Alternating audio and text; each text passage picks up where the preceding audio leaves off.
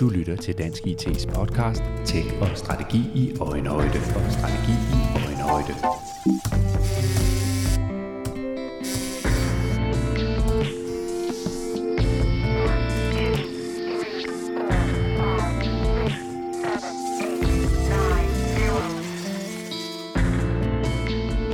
Du lytter til episode 56 i Dansk IT's podcast Tech og Strategi i Øjenhøjde. Vi har holdt en lille pause i sendingen, men nu er vi tilbage og er klar til at levere masser af spændende IT-fagligt indhold til dig også her i 2021. Jeg har en god nyhed, og det er, at Teknologipakten har valgt at støtte vores podcast i år med det formål, at udbredelsen af podcasten og dermed også lyttertallene kan få de bedst mulige vilkår.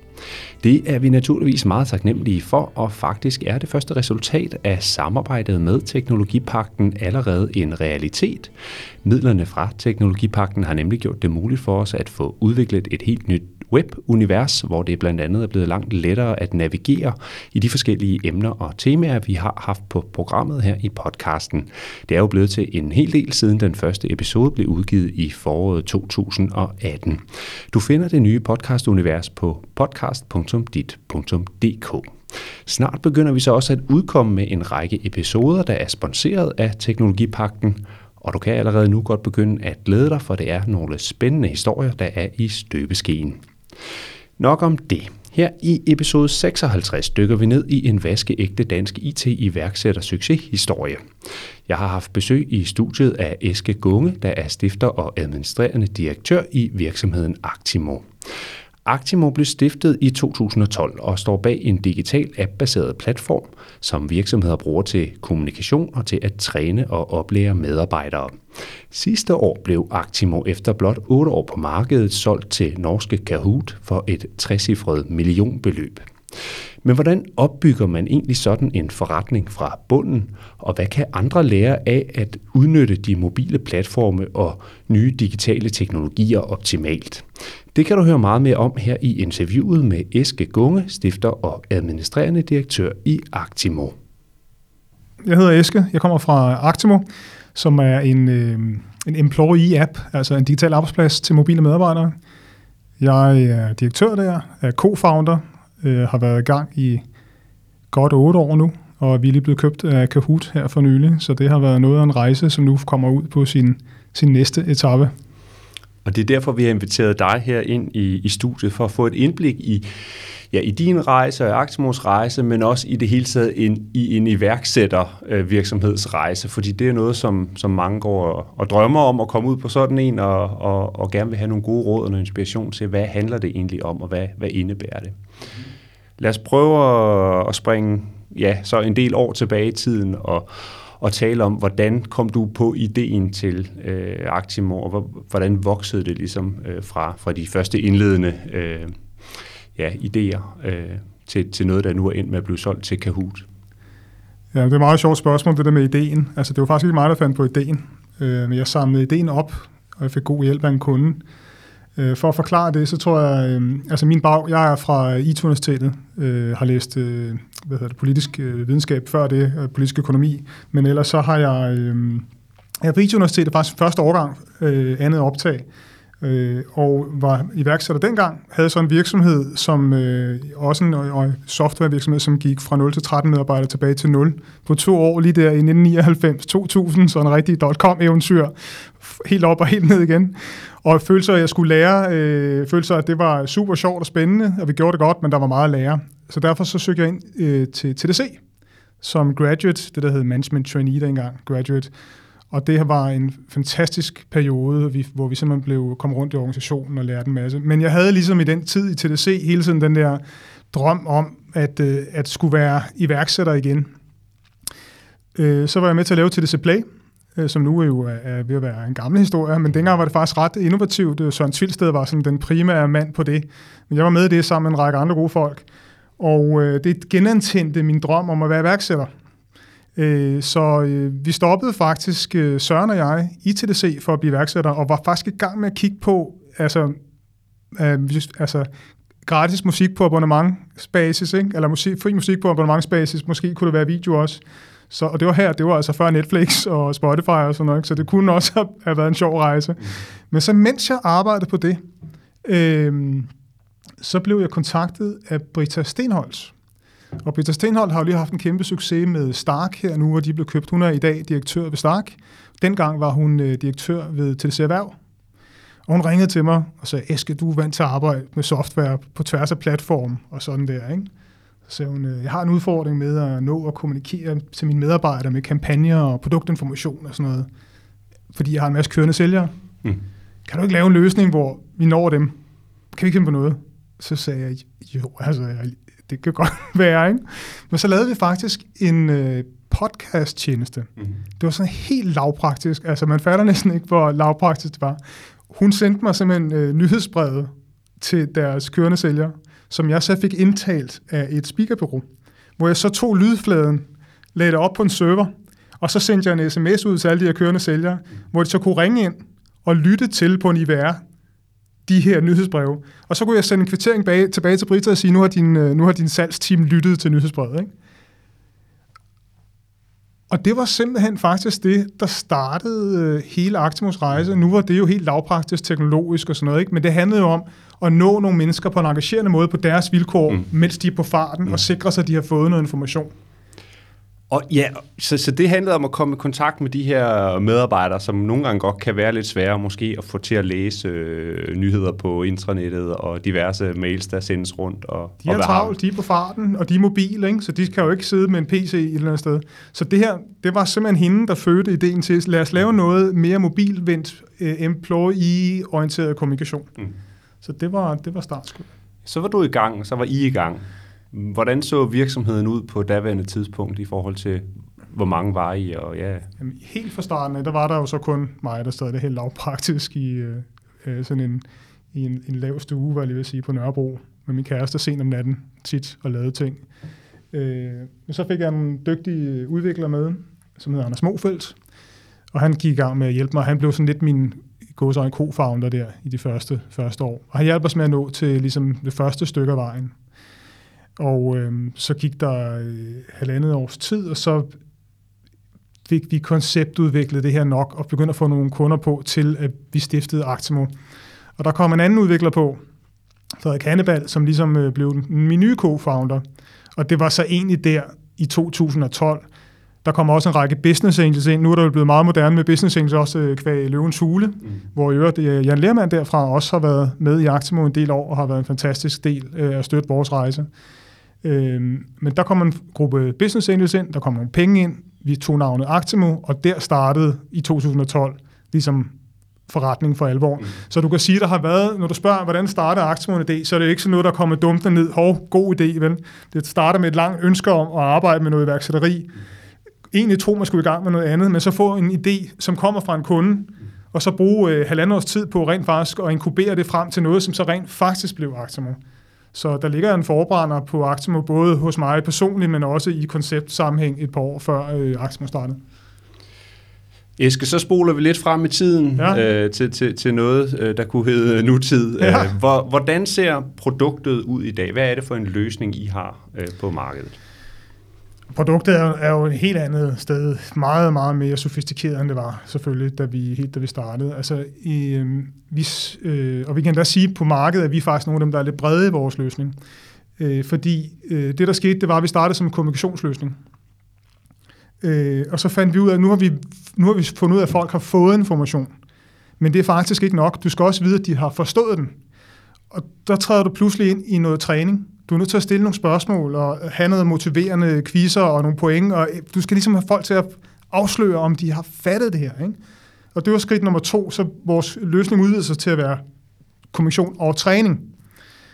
Men så fandt vi ud efter noget tid, at det var heller ikke nok, fordi en ting er, at folk har modtaget og forstået, men de skal også have værdier De skal være motiveret, de skal være engageret. Så vi skulle begynde at måle noget performance-måling på, altså, øh, på folks tilfredshed, på folks motivation. Øh, det, som i dag hedder employee engagement. Øh, og det byggede vi så også ind i platformen. Og så ender det jo med at blive sådan en, øh, en performance management eller en 360-graders employee engagement app, hvor det bliver kommunikation, træning og ledelse. Så der er tre komponenter. Så vi laver, altså, når, så vores, vi laver en employee app, altså medarbejder app, særligt til de mobile medarbejdere. Og det vil sige, at de medarbejdere, som arbejder i facility management, restauranter, hoteller, offentlig sektor, services, transport, logistik, øh, produktionsvirksomheder, industri osv. Ikke? Alle dem, som har mobiltelefonen som deres primært arbejdsstation. Alle vi andre, det tænker man ikke på. Os, der typisk er på kontor med vores PC og, og, og Office 365, ikke? vi udgør faktisk kun en tredjedel af arbejdsstyrken. To tredjedel af arbejdsstyrken, det er altså frontline employees, som aldrig nogensinde har haft en digital øh, platform, og som har mobiltelefonen. Spørgsmålet, hvad giver du en facility management arbejder? Giver du handel hende Office 365? Det gør du ikke, vel? Du giver dem noget andet. Du giver dem en employee-app, som kan engagere dem, kommunikere, hvor de får noget information, hvor de kan kommunikere, hvor de kan blive trænet, hvor de kan blive onboardet, og hvor de kan tilkendegive, hvad de synes, hvordan de har det, og få en voice, altså en stemme i organisationen. Så vores platform i dag er et helt lille økosystem til non-desk medarbejdere, hvor de skal kommunikere, øh, træne, blive trænet, øh, have dialog og, og have noget ledelseskommunikation. Og hvad er det for en organisation, du så øh, har bag dig i dag? Øh, du, du sidder jo ikke alene øh, længere på, øh, på kontoret. Nej, heldigvis. Altså, øh, vi har en dygtig organisation. Øh, det er den eneste grund til succesen i dag, det er øh, de dygtige mennesker, vi har. Altså, det er, alting handler om gode mennesker. Øh, altid det er helt klart den største erkendelse, jeg har haft øh, sådan hele vejen igennem, det er, at at bygge organisation, det er at bygge mennesker. Altså det er stepstones til at blive dygtigere sammen og tiltrække nogle andre, der er dygtige og har ambitioner og har nogle glæder, de gerne vil dele og nogle, et eller andet, de gerne vil opnå, sådan så man får noget momentum og noget faglighed og noget. Øh, så i dag er vi jo samlet set øh, her, da vi blev købt af Kahoot, øh, og blev en del af deres team, der var vi jo selvstændigt nogle 50, hvor vi er 34 i Danmark, øh, 8 stykker i, 7 stykker i Barcelona, øh, nogle i Sverige, øh, nogle i England, øh, og så 10 i Latinamerika, hvor vi har vores øh, nogle rigtig dygtige team dernede. Så øh, det vil sige, det er noget af det, som faktisk er allermest sådan for mig personligt, øh, som står i dag, det er jo det der med, at vi er så mange, som deler de samme ambitioner og, og dygtige folk. Øh, det, er, det, det er et godt team. Mm. Så skete der noget. Ja. Sidste år var det vel. Ja. Norske Kahoot, den her, som de fleste af os kender som sådan en app, man bruger til nogle quizzer øh, i sjove øh, sammenhæng. Men det er jo en stor virksomhed, der er en, også er en global spiller og har, har masser af succes, men, men pludselig kommer de på banen som en mulig køber af af Actimo. Fortæl, hvad, hvad skete der, og hvordan udviklede det sig? Ja, altså i sidste halvdel af sidste år, der blev vi kontaktet af, af nogen fra Kahoot. I starten var det faktisk, vi troede, der var en partnermulighed. Og så udviklede det sig stille og roligt øh, til, at vi fandt ud af, at gud, det kunne egentlig godt være... Det var faktisk mig, der, øh, der, der kaldte den, fordi jeg synes, gud, der er nogle ufattelige synergimuligheder her. Og så spurgte jeg om direkte, altså, er det her en akquisitionsmulighed? Ja, det var det. Og så viste det sig faktisk, at øh, nogle af de folk, som kiggede på os, dem har jeg faktisk mødt i partnersammenhæng for en 4-5 år siden, hvor vi har haft et rigtig godt samarbejde. Så det var lidt, det er lidt også sjov erkendelse, at øh, man kender aldrig sin veje, vel? Og man skal sørge for bare at opføre sig ordentligt og være så god, som man kan være, fordi lige pludselig kan man blive møde nogle mennesker, som har tillid til en på grund af noget, der er sket for lang tid siden. Ikke? Så det var øh, øh, noget, der startede der. Og det, som med det samme stod klart, det var, øh, Kahoot er jo en meget spændende fisk, altså i, en spiller, i, fordi de er så, de har valgt en vej, som er medarbejderen først, playfulness først. De er jo ikke engang gamified, de er jo game-based learning. Mm. Så de er gået all in på det, der hedder, du starter med at gøre det sjovt og nemt, og, og opleve og blive trænet. Ikke? Og de starter som en quiz-ting, som du siger, til skoler. Så udviklede det sig til at blive mere og mere læring til skoler. Og så har de ligesom været øh, læring derhjemme og læring i skolen. Og så har de sagt, vi vil gerne være en 360-graders platform, så deres vision var blevet, vi vil gerne være øh, awesome learning, training derhjemme, på skolen og på arbejdet. Så, så vi er, kan man sige, det tredje ben, som de har været i gang med de sidste par år og udviklet som deres Kahoot at Work ben, altså et nyt ben. Og deres udgangspunkt, det er, prøv lige at høre, der er ikke corporate er, altså, der er ikke forskel på det, du skal have at bruge, når du er privat, og det, du skal have at bruge, når du arbejder. Jo, adgang til og nogle flere værktøjer, men måden, hvorpå det foregår på. Hvis du skal lære noget, så skal du være engageret, du synes, det er sjovt. Du skal være motiveret omkring det, og det skal være... Og hele den filosofi, den er ikke bestemt til enten, at du øh, ligesom i privat, altså hjemme eller i skolen eller på arbejde, det er det hele. Så det kan vi sagtens tage ud og få succes med i, i, i, i at work. Ikke? Øh, og den der kompromilløshed med at starte med brugeren, medarbejderen, der skal have det sjovt, og engagement, det, det, det havde vi meget stor sympati for, og det tror vi også meget selv på. Så det at blive købt af nogen, som har det som, som vision, og så bredt ud i verden, og som så i øvrigt parentes bemærket har en milliard brugere om året, har øh, altså øh, 30 millioner abonnementer og vokser 100% øh, quarter on quarter mm. og ikke har nogen gæld og øh, har halvanden milliard kroner på bank. Altså alle de der ting, som gør... Det er ikke det værste, man kunne komme i, i ledtog med, men, men alligevel, Eske, du må jo have haft nogle overvejelser som, som stifter og direktør i Actimo omkring, er det det rigtige så at, at sælge, eller skal, ja. jeg, skal jeg selv bygge videre på det her, jeg nu har fået skabt helt fra bunden af? Jamen, det har vi drøftet rigtig meget. Og... Øh, jeg er så heldig at have en, en jeg, har, jeg har haft en rigtig, rigtig god investorkreds med mig, både af øh, Business Angels og også øh, på Momentum Equity som øh, partner, som øh, A-runde øh, partner. Og øh, så vi har fået investering i flere runder. Øh, og jeg vil sige, fra en ren økonomisk synsvinkel, der er det ikke selvindlysende, at vi skulle have solgt. Altså jeg er ret, øh, man kan aldrig vide, men øh, hvad hedder det, der er en overvejende sandsynlighed for, at vi kunne have fået mere for forretningen, hvis vi havde gjort nogle andre ting.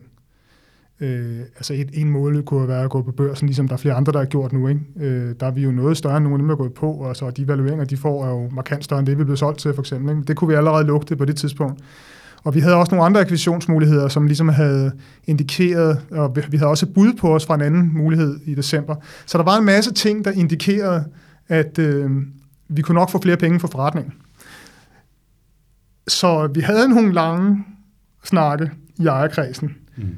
Men fordi Kahoot var så rigtigt, altså vi kunne få lov til at arbejde med at gøre learning awesome, ikke? Og, og kommunikation, træning og ledelse awesome globalt. Mm. Vi kunne få vores produkt ud i hele verden sammen med Kahoot. Vi bliver købt af nogen, som har musklerne til at gøre det, altså både bruger og økonomi, som, som man sandsynlighed kan, kan, kan drive det, ikke? som i forvejen klarer sig rigtig godt. Mm. Kombinationen af de ting sandsynliggør jo i meget højere grad, at det vi har brugt de sidste 10 år på, 8-10 år på, at det vil få et videre liv. Mm. Og, det kan, og, og mine medarbejdere, vores team, ville kunne, vi kunne få produktet ud i verden. Mine medarbejdere ville få meget større vækstmuligheder for deres personlige karriere.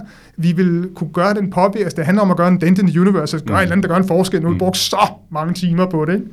Så, så, og der heldigvis, så blev min ejerkreds, øh, der blev vi enige om, at, øh, at selvom man måske kunne få det mere ud af det, så var det det rigtige at gøre. Mm. Så det var faktisk lidt en, øh, en øh, virksomhedsetisk beslutning, øh, og det var ikke uden øh, diskussioner, at vi fandt frem til det, mm. som vi gjorde. Og du er der jo så stadigvæk som, øh, som administrerende direktør, så, så du har ikke på den måde sluppet øh, virksomheden? Nej, altså øh, slet ikke.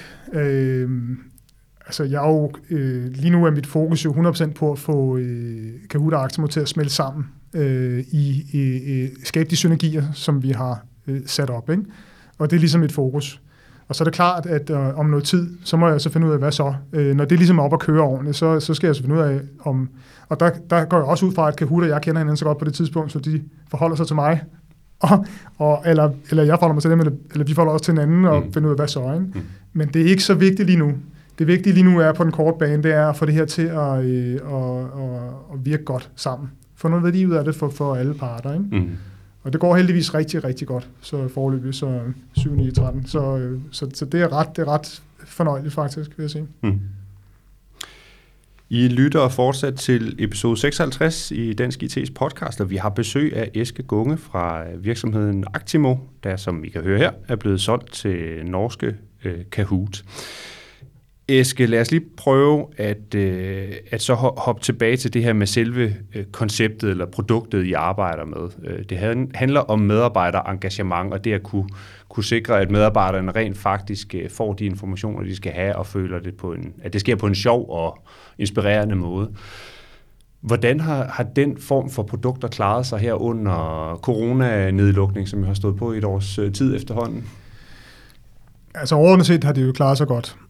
vi er jo en digitaliseringsplatform til kommunikation, træning og ledelse, og det, er jo, det siger sig selv, at det er jo blevet mere aktuelt. Vi har været en lille smule i paradoks, særligt i starten, fordi, en, øh, som jeg også startede med at sige, øh, mange af vores kunder er jo inden for altså hoteller, restauranter, øh, servicefag, øh, alle de steder, hvor man lige pludselig bare lukker ned. Så og vi har også en masse af vores øh, pitches, altså vores salgsprocesser, også nogle af de meget store, som bare blev sat på pause eller lukket ned lige med det samme. Ikke? Så det, vi er selvfølgelig blevet ramt af det på den ene side. På den anden side er der jo rigtig mange, der erkender, at det at have øh, en god øh, forbindelse til ens medarbejdere, særligt når de er remote distribueret, øh, det er helt afgørende for produktiviteten. Øh, og, og specielt her under corona, hvor folk ikke har haft nogen alternativer, øh, og har brug for at sikre dem, har vi, er de med? Altså, er, modtager de, snakker vi sammen, snakker de sammen, lærer de noget, kan de noget, øh, er de engagerede, gider, er de på, altså helt den der manglende transparens, der kan vi jo åbne for en helt, helt ny øh, mulighed for transparens for mange øh, virksomheder og medarbejdere. Ikke? Starten med medarbejderne. Øh, så, øhm, så vi har også fået en masse nysalg. Så samlet set kan man sige, der har vi fået kan man, forretningsmæssigt en upside ud af det. Mm. Men vi har selvfølgelig også en masse af vores kunder, som, øh, som, som har udfordringer, og vi har vi valgte faktisk allerede fra starten af sidste år at gå ud og lave øh, alt, hvad der vedrører coronapakker. Det har folk fået gratis. Og det har vi faktisk fået, øh, fået gjort for en del kunder. Og så håber vi selvfølgelig, at når corona er overstået, at der kommer noget karma i det, så det kan ja. være, at nogle af dem vælger at betale for mm. det. Ikke? Så, så vi har ligesom gjort, hvad vi balancerede det der lidt øh, mm. med, med gynger og karuseller. Mange af lytterne her, de, de arbejder jo med IT selv, øh, som øh, det kan være de projektledere, det kan være, at de sidder i det offentlige eller det private, enten som leverandør eller som kunde. Men det, de har til fælles alle sammen, det er jo, at vi skal bringe nogle IT-løsninger i spil, og vi skal sikre, at brugerne eller kunderne er tilfredse med at anvende de her løsninger, øh, og det ikke ender ud i frustrationer og vrede, men det ender ud i glæde og motivation, når vi bringer nye digitale løsninger i spil. Hvad, hvad er dine erfaringer i forhold til, hvordan man kommer derhen? Fordi desværre ser vi jo stadigvæk alt for ofte, at nye IT-systemer og IT-løsninger, de ikke helt ender der, hvor man, hvor man gerne vil have det. Uh, det er et svært spørgsmål, fordi øh, djævlen ligger i detaljerne her. Øh, fordi der er jo altid flere dimensioner i en løsning. Ikke? Der er jo øh, den, øh, hvad den gør i teorien, eller hvad man i praksis kan gøre med metodemæssigt med en løsning, og så om man rent faktisk får det gjort, får den brugt. Og øh, næsten alle platforme er jo afhængige af, øh, at dem, der skal bruge det, engagerer sig i det.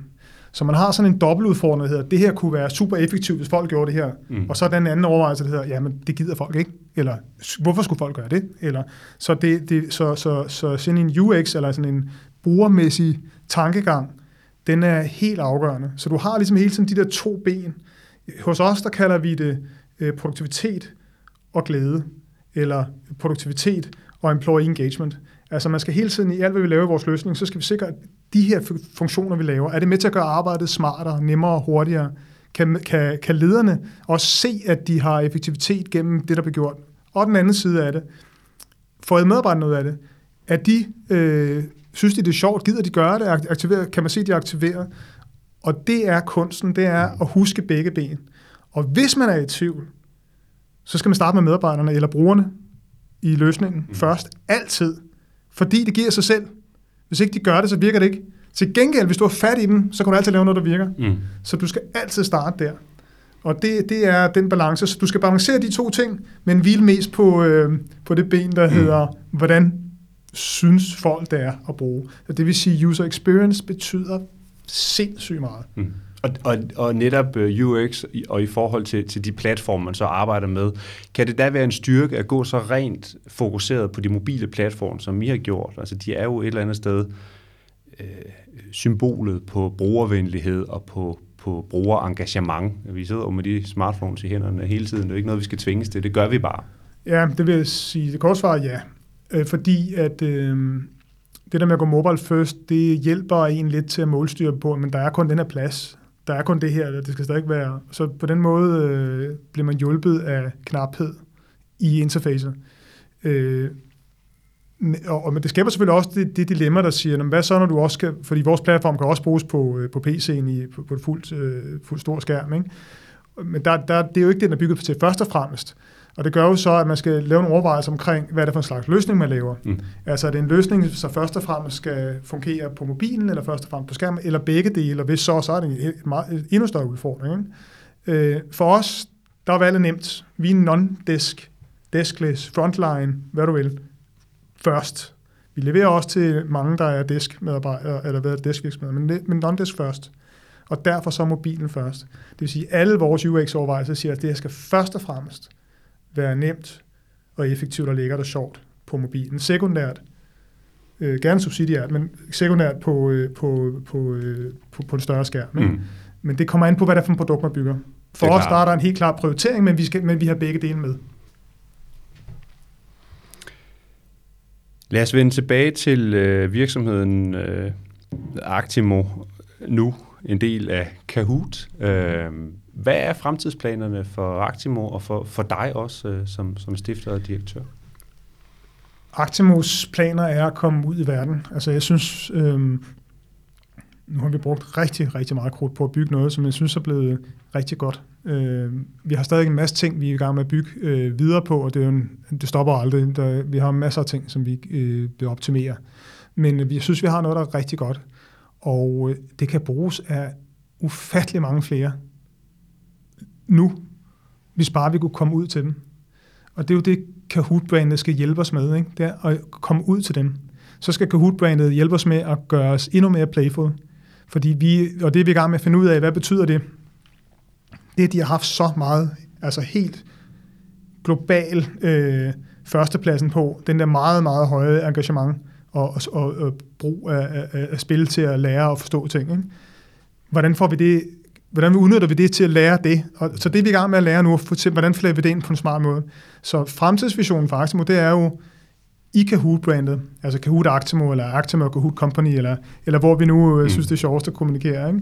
Det er med det, med det brand, og med det afsæt i, i brugerne først, kunder, med, medarbejderne først, brugeroplevelsen først, fun først, mm. game først, og komme ud i verden, og gøre mange medarbejdere meget bedre, dygtigere og samtidig med, at de føler mm. sig mere connected og har det sjovere og bliver gladere. Ikke? Så mm. hvis, vi, hvis vi ikke ligesom kan gå ud og være med til at skabe produktivitet og arbejdsglæde, så er det jo bare fantastisk. Ikke? Så kan vi føle, så bidrager vi jo i verden med noget, som vi synes er godt. Mm. Og der er brug for godt over hele linjen for at gøre vores verden bedre. Ikke? Det er vores lille bidrag. Og du øh, personligt må jo øh, trods alt have tjent en skilling på, øh, på alt det her, og med salget til Kahoot. Er du fristet øh, til at lægge dig på en sydhavsø og, og slappe af, eller har du, har du andre øh, visioner for fremtiden? Nej, det er jeg ikke. Jo, måske et par uger kunne jeg godt være fristet, særligt nu. Når vi må. Ja, vi må, ja. ja. Så det kunne jeg godt være fristet til. Jeg kunne også godt være fristet til at tage en lidt dyreferie, end ellers ikke men jeg er ikke så... Øh, ellers har vi ikke så meget.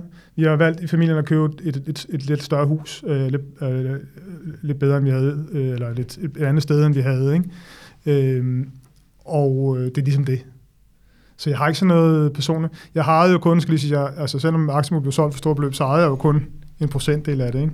Ja. Øh, jeg havde jo omkring 20 procent eller sådan noget. Ikke? Så øh, det, er, det er selvfølgelig mange penge. Øh, men nej, øh, jeg havde faktisk en meget dejlig oplevelse. Jeg var øh, i byen lige vi havde solgt, og så gik jeg ud, og så tænkte jeg, i dag jeg kører bare alt det, jeg har lyst til, fordi nu har jeg ligesom fået de der, nogle, nogle midler der, ikke? Jeg kom jo ikke hjem med noget. Altså, jeg kom hjem med to liter mælk og ja. et eller andet til børnene og sådan noget. Og det er jo fordi, vi har det jo godt. Altså, øh, jeg har jo ikke noget særligt. Jeg har heller ikke nogen passioner, øh, sådan rigtig, udover min, jeg spiller noget musik og sådan noget, ikke?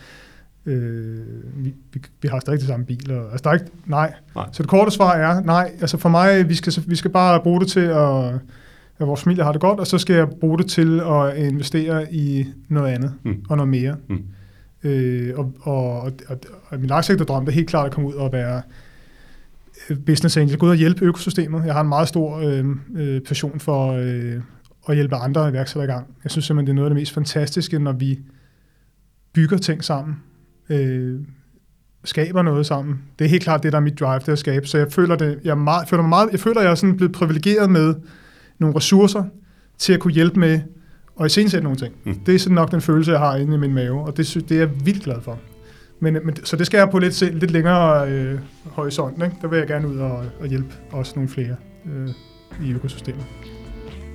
Eske Gunge, stifter og direktør i Aximo. Tak fordi du kom med øh, her i podcasten og fortalte din historie og virksomhedens historie. Selv tak. Og så jeg lytter og kan sige, at øh, I jo selvfølgelig finder denne episode, øh, men også alle de andre episoder, inde på vores nye podcast-site, som ligger på podcast.dit.dk. Tak fordi I lyttede med endnu en gang. Vi høres ved.